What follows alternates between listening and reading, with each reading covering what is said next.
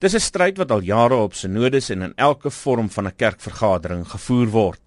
Een van die mense wat in die spits staan van die stryd is die pastorale beraader Maritjie van Logrenberg. My heel eerste reaksie was net ongelooflike dankbaarheid. Ek het net my kop vasgehou en net begin bid en vir Here dankie gesê. Want ek het geweet die Here sal nooit hierdie onreg ad infinitum laat aangaan nie. Hoekom dring juis daarop aan om deel te bly van die NG? Ek dink die een kern ding vir daai persoon is om aanvaar te word. En om aanvaar te word deur God om te weet God het my lief. Philip Liebenberg is jare gelede deur die AGS kerk uitgeskop as gevolg van sy seksuele oriëntasie. Hy het 'n kerk vir gays in Melville begin.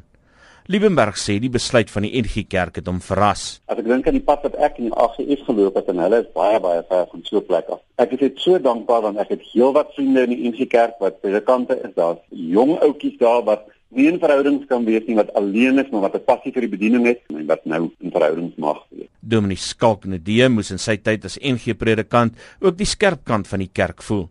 Hy verwelkom ook die besluit. Van tevore was die gees maar heeltemal verwerp en jy moes maar in die kas bly en jy self geworstel wie is en met selfverwerping en selfverwyte en skuldgevoelens en angs en stres en ag noem dit alles op en ek is net so verskriklik dankbaar toe ek nou uiteindelik die ding op Facebook lees wat iemand geplaas het. Toe het ek dit vir my suster voorgeles en op 'n stadium net uh, net in trane uitgebars. Hoekom?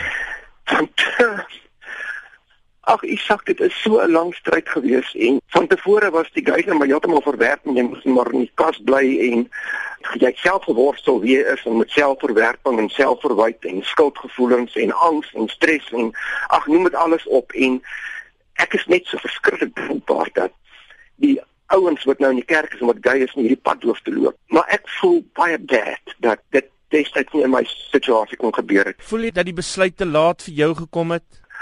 Ek voel net my lewe is op hul gepas en is nou eintlik verwoes.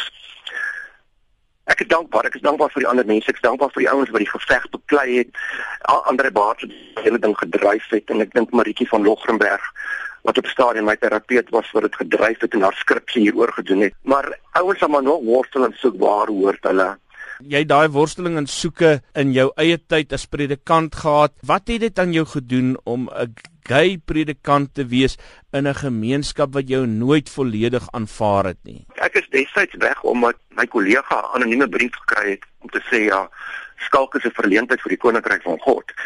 Dit het my regtig gefuis aan geslaan en ek het besef toe ek ek kan eintlik nie langer aanbly nie met my eie stres en my en, en my eie angs en my hoeveel depressie aanvalle en medikasie en al daai goedes ek kon net nie aanbly in die kerk nie. Ek kon net nie meer aanbly. Dit sou dit sou dit sou vir my noodlottig gewees het. Vir 'n lang ruk kon jy dit regkry om predikant in die NG Kerk te bly. Op watter maniere het jy dit reg gekry? Ek kan nie vir jou sê wat die resep is nie. Jy vasbyt op jou tande en jy gaan maar net voort. Ek het 'n kollega gehad wat wat wat verstaan het ook my ondersteun het, maar destyds was ons gebind deur die besluite van die sinode, ons kan nou nie veel gedoen het nie. Op die oomblik voel ek ek beleef myself in 'n ligleegte.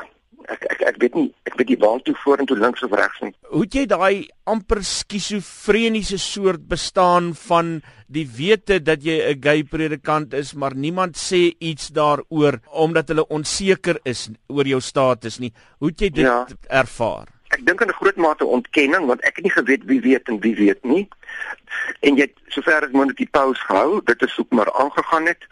Ek het gelukkig baie mense in die gemeente gehad wat baie lief en dierbaar vir my was. Op watter manier het dit jou godsbelewenis beïnvloed? Jy nie geweet met wie jy kan praat en wie jy nie kan praat nie. Dit is by my die spanning veroorsaak want dit laat jou kort kort twyfel is ek reg of is ek nie reg nie ek het natuurlik ook met God geworstel oor wie hy is wat hy is of hy is wanneer hy is en dit is maar nog steeds 'n stryd en mens bly 'n soeker want hierdie dinge forceer jou op 'n sekere pad. Dit is eintlik 'n tipe woestynreis wat jy loop en wat jy maar self moet worstel. Ander mense kan nie vir jou besluite maak of vir jou keuses maak en jy moet dit self doen. Dis te laat vir skalk nou die om terug te gaan kerk toe. Waartoe nou? Isak, dit is my grootste vraag. Dis my grootste vraag. So ek het nie 'n antwoord daarop nie. Kyk, ek is nou 63 om nou terug te gaan op hierdie ouderdom 'n bietjie moeilik geval wees. Maar ek is oop vir wat ook al. Ek is oop vir wat ook al.